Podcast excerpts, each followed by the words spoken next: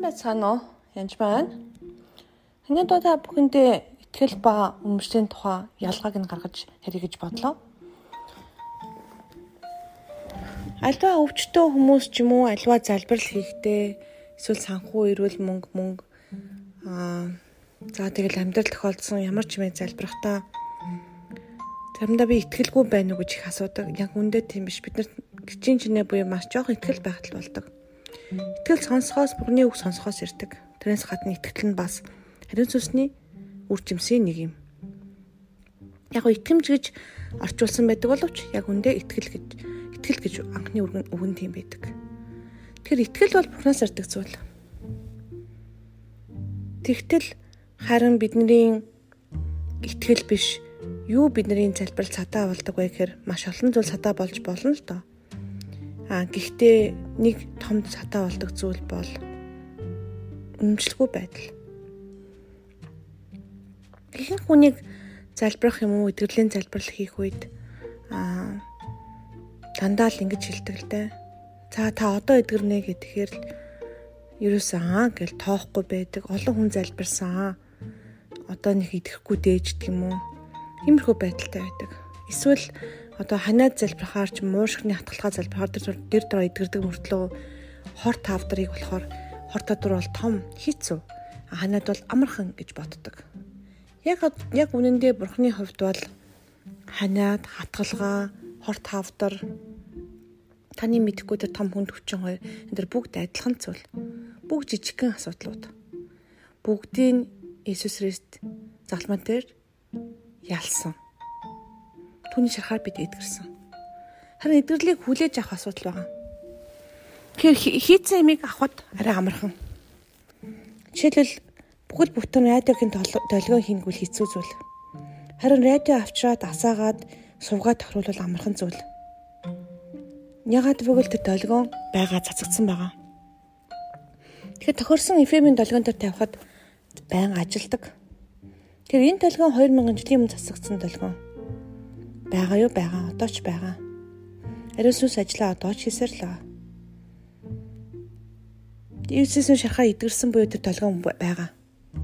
Харин тэр долгионыг асаа авахын тулд бид нар радио шиг асаагаад долгионоо тахруулах хэрэгтэй. Энэ бүх зүйлд цатаа болдог зүйл бол тархитлогооны өмчлөхгүй байдал. Толгоогоо даван ялах явдал маш хэцүү байдаг.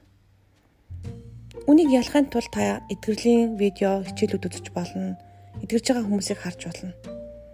Тэгэхээр 5 дахь өдрийн хичээлд хэдийгээр цагийн баг тул олон хүн эдгэрхгүй ч гэсэн боломжоор эдгэрэл явагддаг. Харин олон хүмүүс орж иж харсаар байдаг. Орж иж харж байгаа хүмүүс нь маш чухал. Яагаад гэвэл тухайн хүний өмнөшилгүй байдал алга болж байдаг. Улам өмнөшилтэй болдгоо гэсэн үг. Үнэмшилтэй буюу бурханд аа итгэж болдгийм байна. Энэ итгэл чинь одоо ч явагдаж байгаа юм байна. Эзэн Христийн шарахаар бид нар итгэрсэн юм байна. Харин ус ажлаа одоо ч хийж байгаа юм байна гэдгийг харах явдал нь тухайн хүний хувьд хамгийн чухал гэсэн. Яг тэгвэл тарих маань яаж ажилдаг вэ гэхээр өмнө нь өгөгдсөн харсан мэдээлэл дээрээ түшгэлэн ажилдаг. Сонсон, уншсан, харсан, мэдэрсэн бүх тэр зүйл дээрээ түшгэлдэг гэсэн үг. Тэгэхээр тарих нь тэрийг харж мэдүүлэх явдал маш чухал огт үзээгүй хараагүй юмдаа өмнөштгүү гэсэн үг. Өмнөштгүү байдал нь итгэлийг баймилж байдаг.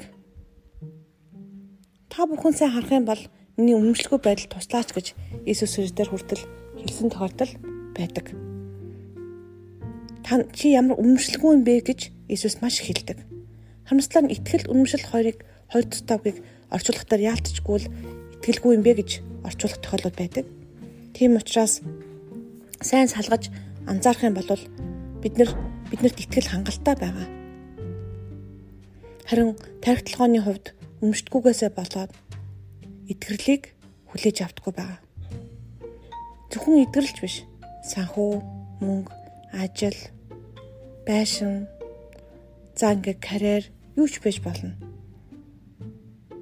Аа тэгээд зарим тохиолдолд мэдээж хугацаа орох орж болно. Тэр төвчээр ч юм уу өөр зүйл хэрэгтэй. Гэтэ эхний ялах ажил бол толгоогоо ялах. Толгоогоо удирдна, оюун бодлоо удирдна гэсэн үг. хүүхчиг итгэнэ гэсэн үг. Энэ боломжтой гэдэгт итгэнэ гэсэн үг. Тэр тохиолдолд гайхамшиг болдог. Бурхны мөн чанар нь өөрөө гайхамшиг. Бурхан хийдгээл хийж байгаа зүйл. Том жижиг гэж харьцуулж боддог нь бидний л асуудал. Бурханд том зүйл гэж байхгүй. Үнэмшлэгүй байдал зайл гэж залбирч болно. Түнчлэн үнэмшлэгүй байдлаа байрнуугүй юу гэж шалгаж болно. Мөн түнчлэн үнэмшлэгүй байдалтайгаа тэмцэж болно. Үүний тул Библи уншихаас гадна бас нөхөрлөх хэрэгтэй, зөв хүмүүстэй, зөв хүмүүсээ сонсож явах хэрэгтэй гэсэн үг. За, та бүхэнд үнэмшлэгүй байдлаа ялгад чинь хэрэг болгосон баха гэж бодож байна. Амжилт хүсье. Баяр таа.